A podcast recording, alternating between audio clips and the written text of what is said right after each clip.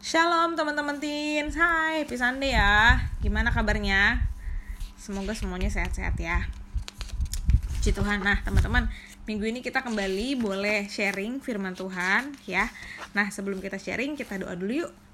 Eh, Sama-sama kita teduhkan hati kita. Kita tutup mata Kita datang kepada Tuhan. Bapak terima kasih Tuhan mau ucap syukur pagi hari ini. Terima kasih Tuhan sudah berikan kami minggu yang baru. Pada saat ini kami boleh kembali uh, mendengarkan, berbagi bersama-sama tentang tentang uh, Tuhan tentang firman-Mu.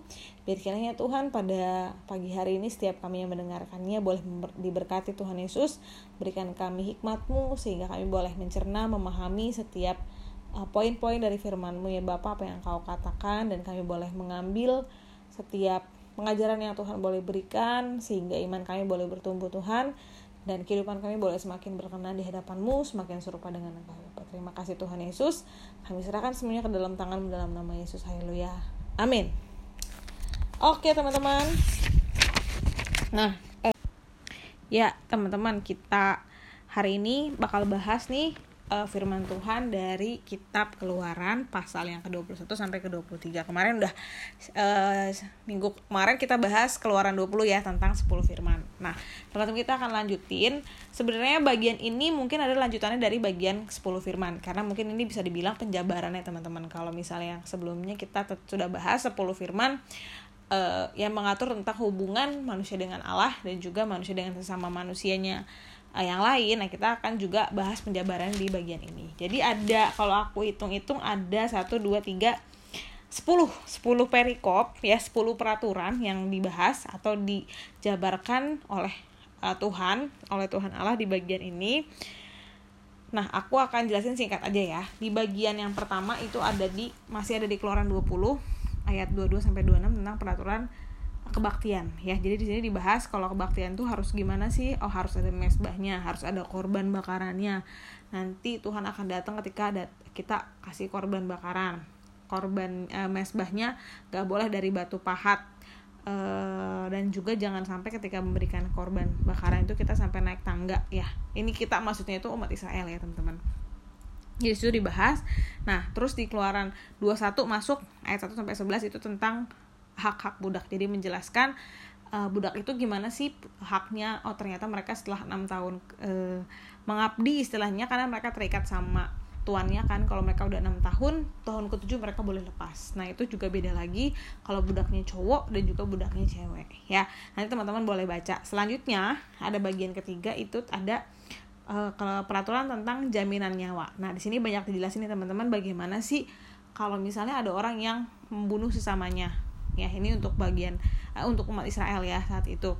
Gimana peraturannya? Terus misalnya ada orang yang misalnya menghilangkan anggota tubuh sesamanya misalnya matanya tangannya kakinya dan lain sebagainya itu gimana sih uh, balasannya atau keadilannya yang uh, ada gitu yang harus dilakukan untuk menebus kesalahannya mereka? Nah terus juga selanjutnya ada peraturan tentang jaminan harta itu ada di ayat 1 sampai ayat ke-17 pasal dua-duanya. Terus selanjutnya ada peraturan tentang dosa yang keji, lalu peraturan tentang orang-orang yang tidak mampu bagaimana caranya kita harus memperlakukannya ya misalnya itu jelasin juga tentang janda anak yatim piatu orang yang punya kesusahan dan sebagainya terus bagian akhir itu ada perikop berbagai-bagai peraturan itu di bagian yang pasal 22 ayat 28 sampai 31. Terus masuk ke pasal yang 23 ada bagian tentang peraturan tentang hak-hak manusia ya. Itu e, apa namanya menjelaskan tentang gimana sih kita harus jujur sama sesama kita, gimana kita tuh harus membela kebenaran, bukan membela ke apa namanya? kebohongan kayak gitu-gitulah ya. Terus di bagian selanjutnya ada perikop e, peraturan tentang kebaktian di hari-hari raya ya di situ dijelasin hari raya orang Israel tuh ada tiga ya ada tiga. Nah salah satunya ada hari raya roti tak beragi. Satu lagi ada apa namanya hari raya e, kalau nggak salah menuai ya. Dan satu lagi aku lupa terus udah gitu di bagian yang terakhir ada janji dan teguran Tuhan di perikop-perikop itu. Nah, sebenarnya teman-teman bisa baca aja ya, biar kita uh, apa namanya nggak terlalu banyak bahas tentang detailnya karena teman-teman aku yakin semuanya pinter-pinter rajin-rajin baca semuanya. Jadi silakan teman-teman boleh dibaca dan dibayangkan dipahami ya. Karena sebenarnya seru juga gitu ya kalau menurut aku peraturan-peraturan ini. Kenapa sih muncul pertanyaan kenapa sih harus ada peraturan-peraturan seperti ini? Ya nggak sih? Pasti nanya ya kayak gitu ya. Aku juga bingung sih kenapa. Tapi mungkin kalau kita sambungkan ya sama pembahasan minggu-minggu sebelumnya kalau nggak salah itu yang bahas Kak Charlie ya. Uh, itu membahas tentang hakim-hakim ya. Maksudnya hakim-hakim itu uh, saat itu Musa akhirnya me, apa namanya menentukan pemimpin-pemimpin dari sekian banyak orang ya yang dibagi-bagi untuk bisa me, apa namanya istilah kasarnya itu menentukan atau membantu kasus-kasus yang terjadi gitu ya. E, di antara umat Israel. Karena memang sulit banget nih untuk menentukan siapa yang salah, siapa yang benar, apa yang harus dilakukan gitu ya ketika ada cerita ini cerita itu gitu karena memang saking banyaknya mereka itu semakin banyak gesekan-gesekan yang terjadi sesama manusia. Nah, di saat itulah ada hakim-hakim ya yang ditunjuk. Nah, mungkin juga itu sebagai pendorongnya teman-teman kalau menurut. Jadi dulu tuh sebenarnya ternyata tuh belum ada hukum memang sebelum adanya peraturan-peraturan ini gitu belum ada pemerintah teman-teman belum ada presiden di situ ya belum ada penegak hukum seperti polisi, TNI itu belum ada tuh pengaman-pengaman kayak gitu belum ada ya makanya aku rasa Tuhan Allah dengan hikmatnya yang besar akhirnya dia nyata uh, dia berikanlah ketentuan-ketentuan peraturan-peraturan yang mengatur hal-hal tersebut. Nah, terus juga karena memang mungkin dibutuhkan adanya keadilan ya uh, di antara umat Israel karena memang tadi aku bilang banyak masalah, banyak orang, banyak masalah ya kan. Jadi perlu adanya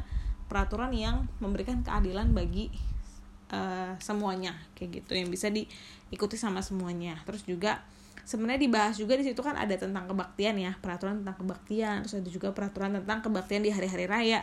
Sebenarnya kalau menurut aku ini juga uh, mengarahkan umat Israel untuk bisa taat dalam beribadah kepada Tuhan. Karena di bagian-bagian uh, itu juga banyak disebutkan lagi diingatkan lagi bahwa jangan sampai ada Allah lain di antara umat Israel selain Tuhan Allah. Jangan sampai ada yang musyrik, jangan sampai ada orang yang uh, musyrik ya. Jangan sampai ada orang yang hatinya tuh tidak kepada Tuhan gitu, tapi kepada Tuhan yang lain gitu ya. Jangan sampai kayak gitu. Nah, itu yang dijelaskan di pasal 21 sampai pasal yang ke-23. Nah, kalau misalnya kita boleh sedikit bandingkan nih teman-teman karena kita kan anak-anak perjanjian baru ya kan anak-anak yang sudah ditebus sama Tuhan Yesus sebenarnya nggak ada yang salah kalau kita mempelajari atau kita melihat flashback apa sih yang menjadi peraturan-peraturan di masa lalu di saat yang digunakan sama umat Israel. Tapi kita coba yuk bandingin sedikit, compare sedikit dengan apa yang ada di perjanjian baru, teman-teman ya. Kalau tadi perjanjian lama ini perjanjian baru kita mau lihat sedikit aja. Nah, aku ada dua hal sih yang menurut aku cukup uh, apa namanya? cukup uh, dominan ya, di mana ada perbedaan di situ antara perjanjian baru dan perjanjian lama antara peraturan-peraturan di kitab keluaran dan juga ada di uh, perjanjian baru. Nah, lebih baik kita akan bahas di kitab Matius ya. Nah, yang pertama teman-teman kalau misalnya tadi di bagian jaminan nyawa ya, ada di bagian keluaran pasal 21 ayat 12 sampai 36. Di situ kan dijelaskan ya, kalau nggak salah ada yang dinyatakan kalau ya kalau ada nyawa yang melayang harus diganti dengan nyawa. Kalau ada mata yang hilang harus diganti dengan mata. Gigi ganti gigi kaki ganti kaki tangan ganti tangan. Itu ada di apa namanya uh, ayat yang ke 23 24 ya. 23 nya gini tetapi jika perempuan itu mendapat kecelakaan yang membawa maut maka engkau harus memberikan nyawa gantinya. Nah di ayat 24 nya mata ganti mata gigi ganti gigi tangan ganti tangan kaki ganti kaki. Ya nah kayak gitulah. Jadi memang di perjanjian lama diberikan peraturan seperti itu. Nah, ternyata teman-teman ada yang berbeda di bagian perjanjian uh, baru ya. Kita buka yuk Matius 5 ayat 39 ya. Nanti aku akan bantuin baca buat teman-teman semua. Matius 5 ayat 39. Nah, di sini sebenarnya di bagian uh, pasal itu ya ayat 17 sampai uh, ayat yang ke-48 itu membahas tentang Yesus dan hukum Taurat. Tapi di sini ada yang mencolok ya di bagian itu. Jadi di pas uh, di ayat yang ke-38. kamu telah mendengar firman, mata ganti mata dan gigi ganti gigi. Tetapi aku, ya ini Tuhan Yesus berkata kepadamu, janganlah kamu melawan orang yang berbuat jahat kepadamu, melainkan siapa pun yang menampar pipi kananmu, berikanlah juga kepadanya pipi kirimu. Ya, jadi satu hal yang memang signifikan berlawanan ya teman-teman ya. Jadi dari katanya harus mata ganti mata, gigi ganti gigi. Nah, Tuhan Yesus mengajarkan kalau misalnya ada yang menampar pipi kiri kasih pipi kanan. Harusnya gimana kalau misalnya perjanjian baru eh perjanjian lama? Tapi pipi kiri ditampar kita tampar lagi pipi kirinya ya. Pipi kanan kita ditampar kita tampar lagi pipi kanannya. Kayak gitu kan ya. Tapi yang Tuhan Yesus ajarkan tuh berbeda gitu ya. Nah terus ada satu lagi nih tentang kebaktian yang tadi ya. Kalau misalnya di keluaran eh, apa namanya 20 keluaran 20 ya masih di bagian keluaran 20 ayat 22 sampai 26 dan juga keluaran e, 23 ayat 14 sampai 19 itu tentang kebaktian ya. Kalau misalnya kebaktian itu katanya harus dengan korban bakaran harus dengan mesbah dan sebagainya. Tapi Tuhan Yesus ajarkan seperti apa? Tuhan Yesus ajarkan doa Bapa kami di mana doa itu bisa kita lantunkan ketika kita memang pengen ketemu sama Tuhan pengen datang sama Tuhan menyatakan kerinduan kita sama Tuhan.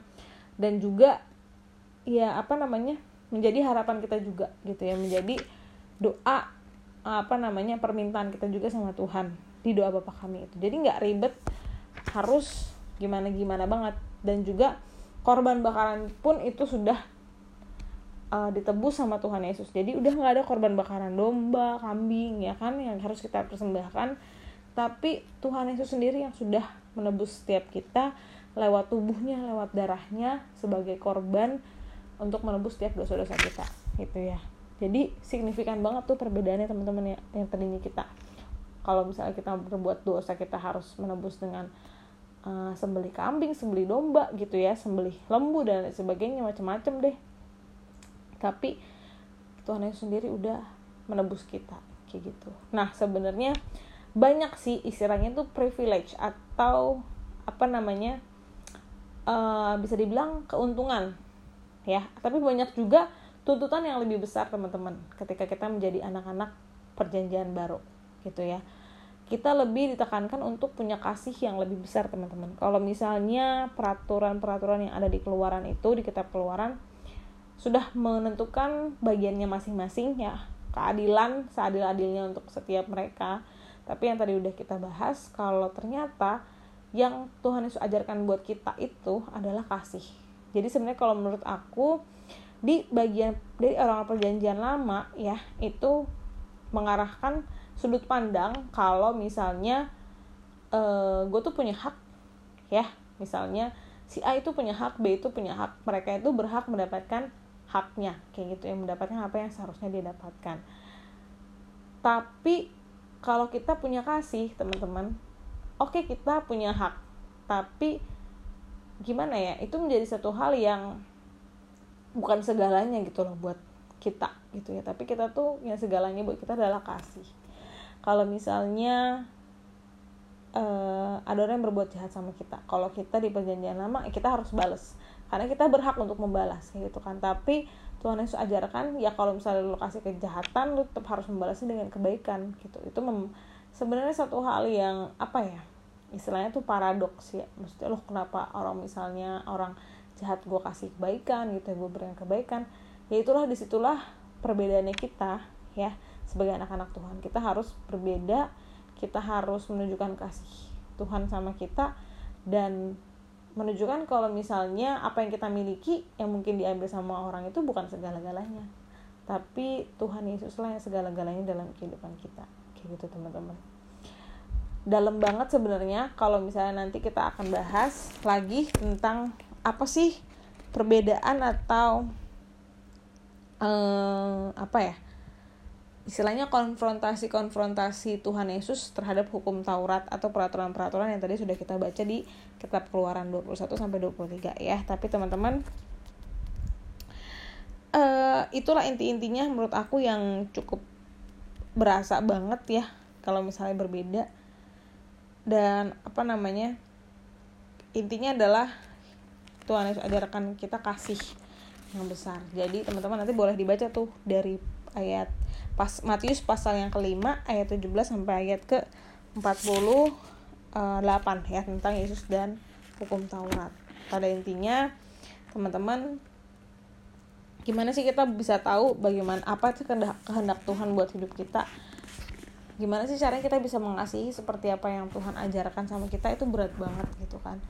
Tapi coba yuk kita coba jalanin kehidupan kita seperti apa yang Tuhan mau eh, kita seperti itu walaupun sulit uh, mengasihi kuncinya ya apa yang seperti Tuhan yang ajarkan mengasihi Tuhan mengasihi juga sesama kita kayak gitu. Nah uh, itu aja teman-teman. Mungkin teman-teman ada yang mau sharing boleh tentang gimana sih mungkin caranya bisa uh, mengasihi sesama kita lewat perjan uh, lewat seperti apa yang Tuhan ajarkan di perjanjian baru uh, kalau ada orang yang menampar pipi kiri ya harus kasih pipi kanan. Itu gimana sih kak? Ya kalau mau sharing silakan. Nanti uh, boleh ke aku kak Charlie ataupun kak Ira.